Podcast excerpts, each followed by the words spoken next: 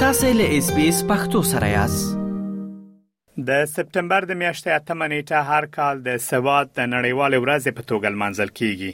سکهال دغه ورځ په داسې حال کې یو ځل بیا لمانځل کیږي چې ل تیرو دوو کلونو راځي د افغانستان د جنونو پر مخ د پوهنتونونو او خونځې دروازې تړلې شوې دي. دا چې روان حالت به په افغانستان کې د بې سوادۍ کچه څومره نوره لوړه کړي او په راتلونکو کلونو کې به د افغانستان خلک له څومره نورو ستونزو سره مخ شي د همدغې موضوع په اړه غواړم له څېړونکي او د سیاسي چارو له کارپو محب اقبال سره مرکه ولرم. ښاغلی اقبال ډېر زیاته مننه چې سپیس پښتو رادیو ته مو د مرکې لپاره وخت راکړ. تاسو ته هم مننه مجیب صاحب او ساسي اوریدونکو ته سلام وړاندې ښاغلی اقبال افغانستان د نړۍ هغه هیواد دی چې د ښځو د سواد کچه پکې ډیره ټیټه ده او ډیری ښځې سواد نه لري که چیرې د افغان ښځو پر مخ د پوهنتونونو او ښوونځي دروازې همداسې تړلې پاتې شي دا به په افغانستان کې د سواد پر کچې څه اغیزه ولري دا د افغانستان لپاره یو ډیر لوی ناورین دی لوی ناورین په څو نگاو باندې دی یو دا چې خپل د افغانستان کې د خزو د سواد کچل ټیټواله په اقتصادي موضوعاتو باندې په اجتماعي موضوعاتو باندې په صحي موضوعاتو باندې په دې ټولو شانو مستقیم تاثیر لري حتی د نوی نسل یا د ماشومانو په راغټېدلو او د هغوی د مړینې په کچه باندې هم تاثیر لري هغه میندې چې د مکتب یو څو کاله تجربه لري حتی کاغه دوه یا درې کاله هم وي د هغوی ماشومان باوجود دې چې کوم مشکلات سره مخامخ هم شي ډیر ژوندي پاتې کیږي یعنی د اقتصادي لګانه منګ د خپل د کار د قوی 50% خلک یا 50% انسانان د آینده په اقتصاد کې برخه اغستل نه محرومو دا غيو هغه هیومن کیپټل یا انساني نیرو چې دا غي د پاره تعلیم او درس ویل ډیر مهم دي هغه په ډیره ټیټه سطح باندې پریدو افغانستان په نړۍ کې څنګه چې تاسو ویلي د هیومن ډیولپمنت انډیکس یا د انساني پرمختګ لپاره چې کم شاخصونه ټاکل شوی دی په نړیواله کچه باندې د یو سل څو اتیا مملکتونو لپاره هغه سنجش کیږي او افغانستان په هغه خطه ترینو لاسو هوادو کې یو هواد دی او دا په دې کې دغه شلو کالو کې ډیر لوی پرمختګ شوی دی موږ ډیر لاسته راوړنې لرلې ولې په دې تیرو دوو کالو کې زه فکر کوم چې یو نسل د خزو او د جنو دا سکیږي چې د دایم د لپاره د درس او د تعلیم نه پاتې کیږي ځکه کله چې د خزو په درس کې د افغانستان په کل یو یو کلتوري او جامعه کې یو خلل راځي بیا د ژوند نور موضوعات راوړاندې کیږي او دا په دوامدار ډول باندې د خزو د تحصیل د کچې په ټیټوالي باندې یو یو یو ټیټوالی منځته راوړي نو چې خبرې ډېرې فراخه نشي زه فکر کوم چې نه تنها چې اقتصادي اجتماعي او د انساني صحت او د انساني پرمختګ په مخ کې یو لوی ناورین دی دغه چې د افغانستان جونې او افغانستان خزې نشي کولای چې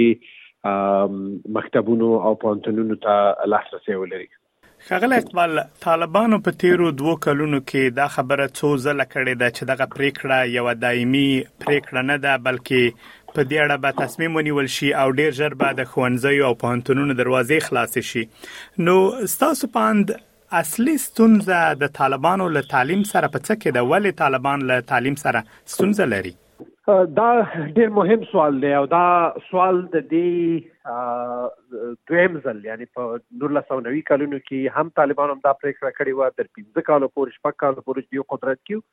دغه پریکړه په شان شول اوس بیا دغه پریکړه کړې ده او دغه پریکړه باوجود دی چې وایي دی چې دا یو موقته موضوع ده ډیره مشکله ده چې سړی فکر وکړي چې دا به څومره وخت پورې موقته وي نو دا یو یو د دغه د ناورین د د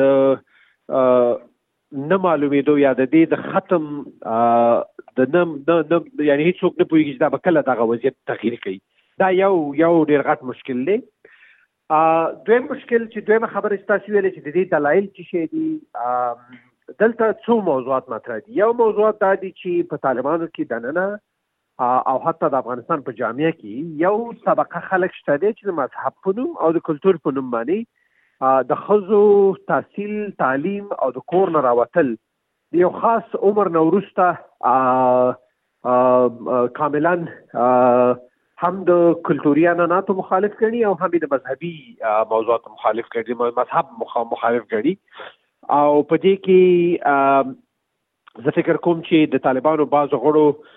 بعضی کتابونه هم لیکلي دي او په کتابونو کې دا ویل شوي دي چې دغه موضوع په دغه شان چې ما تشریح کړل لیکل شوی دا یو یو اړخ د خبرې دی دویم طرف ته طالبان ترمنځ چې ویل کیږي او د دغه اوسنی چارواکو په دغه باندې ویل کیږي هغه دا دی چې د دین د یو سیاسي استفاده کوي غواړي چې د نړۍ توجه دلته وساتي او په داخل کې چې کم مخالفتونه دي د مکتب او د پانتون د خزو د درس سره د دغه په مدیریت کې کار وکړي چې دا یو څه مثبت نظر دی کرشتیا هم دغه سی وی بیا شاید چې امید وسی چې یو وخت دغه مکتبونه او د پانتونو دروازې د جنو او خزو په مخ خلاص شي ولې که چېرته موضوع اولنۍ موضوع وي چې په عمق د طالبانو کې او په کور یعنې هغه اصلي ګروپ چې دغه د طالبانو پالیسی په دې بخش کې مدیریت کوي هلته دا باور موجود وي چې دا کلتوري او مذهبي ممانعت موجود دی او یا حد اقل کلتوري او مذهبي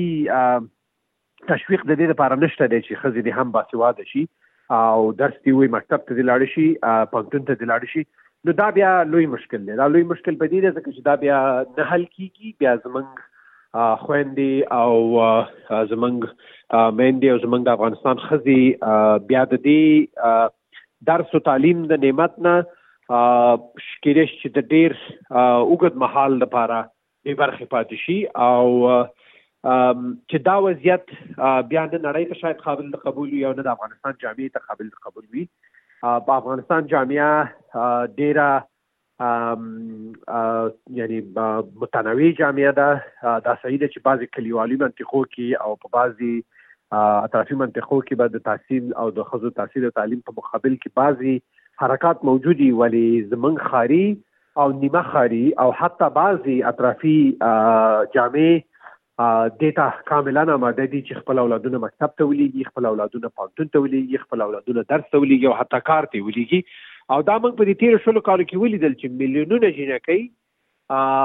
هم پوهنتون مکتبونو ته لاړې او د هغې نه زرګونه بیا پوهنتونونو ته لاړلې او دا موضوع د یو طرف په یعنې د افغانستان په یو منطقې پورې مشخص خبره نه وه دا په مشرقي کې دغه خبرې وي په لویه پکتیا کې دا په خوست کې په لویه پکتیا کې دا موضوع موجوده و په شمال کې کاملا موجوده و په جنوب کې او په غرب د افغانستان کې هم موجوده و په مرکزی افغانستان کې هم موجوده یعنی دا د کم منطقي او دغه پورې اړه نه لري افغانستان کې تقریبا درې څلور میلیونه جونې مکتبونو ته تللې او دا په ټولو منطقو کې تللې نو دلته د جامعې او د طالبانو ترمنځ هم یو مشکل موجود دی چې دې ته هم باید پام وکړي چې دا کې دې شي چې په آینده کې بیا د سیاسي مشکلاتو باعث هم وګرځي او دولت نو د خلکو مخ واوړي. ښاغلی اقبال سره له دې چې په افغانستان کې د افغان نجونو پر مخ د ښوونځیو او پوهنتونونو دروازې بندې پاتې دي، په داسې یو حالت کې کوم نور انتخابونه شته ترڅو له هغه څخه استفاده وشي او د ښځو د تعلیم کچه ډېره راټیټه نه شي یا هم حد اقل کومو کسانو چې په تېرو شلو کلونو کې زده کړې ترلاسه کړې دي د هغوی له زده کړو څخه استفاده وشي او داسې لارې انتخاب کړل شي ترڅو په افغانستان کې د سواد کچه ډیره راټیټه نشي کوم انتخابونه شته تاسو په نظر خوشبختانه رښتیا هم چې څنګه تاسو ویلي دلته اوس موږ د ټکنالوژي د ټکنالوژي په انقلاب په منځ کې واقعي یعنی ټکنالوژي په دې حد تر رسیدلې ده چې هر کور کې او حتی هر لاس کې د هر فرد سره اوس په جیب کې د یو موبایل ډیوایس شته دی چې هغه د انټرنیټ سره وصل دی او په هغه کې یوټیوب شته دی او په هغه کې نور داسې شیان شته چې هغه نه سړی کولای شي او خزي او نجونې په افغانستان کې استفاده وکړي او هلته درس وایي او په دې بخش کې ډیر کارم شوی دی کریکولم هم جوړ شوی دی استادان هم جوړ شوی دي او په لویه کچه کار روان دی چې کوو کولای شي چې دغه د افغانستان نصاب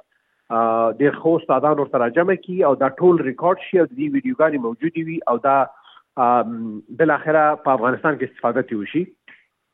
یعنی دا امکان شته دی او دا باید ډونران او هغه ذکرې دغه د پوها او او فعال افغانان چې په هر نړۍ کې په هر برخه کې دی په دې کې باید برخه واخلي تر دې حد پوري په دې کې برخه هم اغستل شوې ده خو ولې دا دی چې رهبري د افغانانو تر لا پلاس کې ده ولې یو لوی مشکل د دې د دې درس ویلو دا دی چې کله دولت د پالیسی د لګانه دغه سیګنل یا یا د پالیسی هغه لارې د خزو مخنیوي بیا نو دا حتی د دغه ټکنالوژي په واسطه باندې چې کمی زمینه مساعده شوې دي د مقابل کې یو خند واقع کیږي ځکه د درس ویلو سره یا د پانتون ویلو سره یا د مکتب ویلو سره یو علاقه باید دا وسیږي چې انسانان به خپل ژوند کې فعال وکول شي چې په کار کې برخه واخلي په کور کې برخه واخلي په مالی موضوعاتو کې برخه واخلي خپل ځان تا یو رزق او روزي ګټلو توانایي پیدا کی او خپل مالی مدیریت او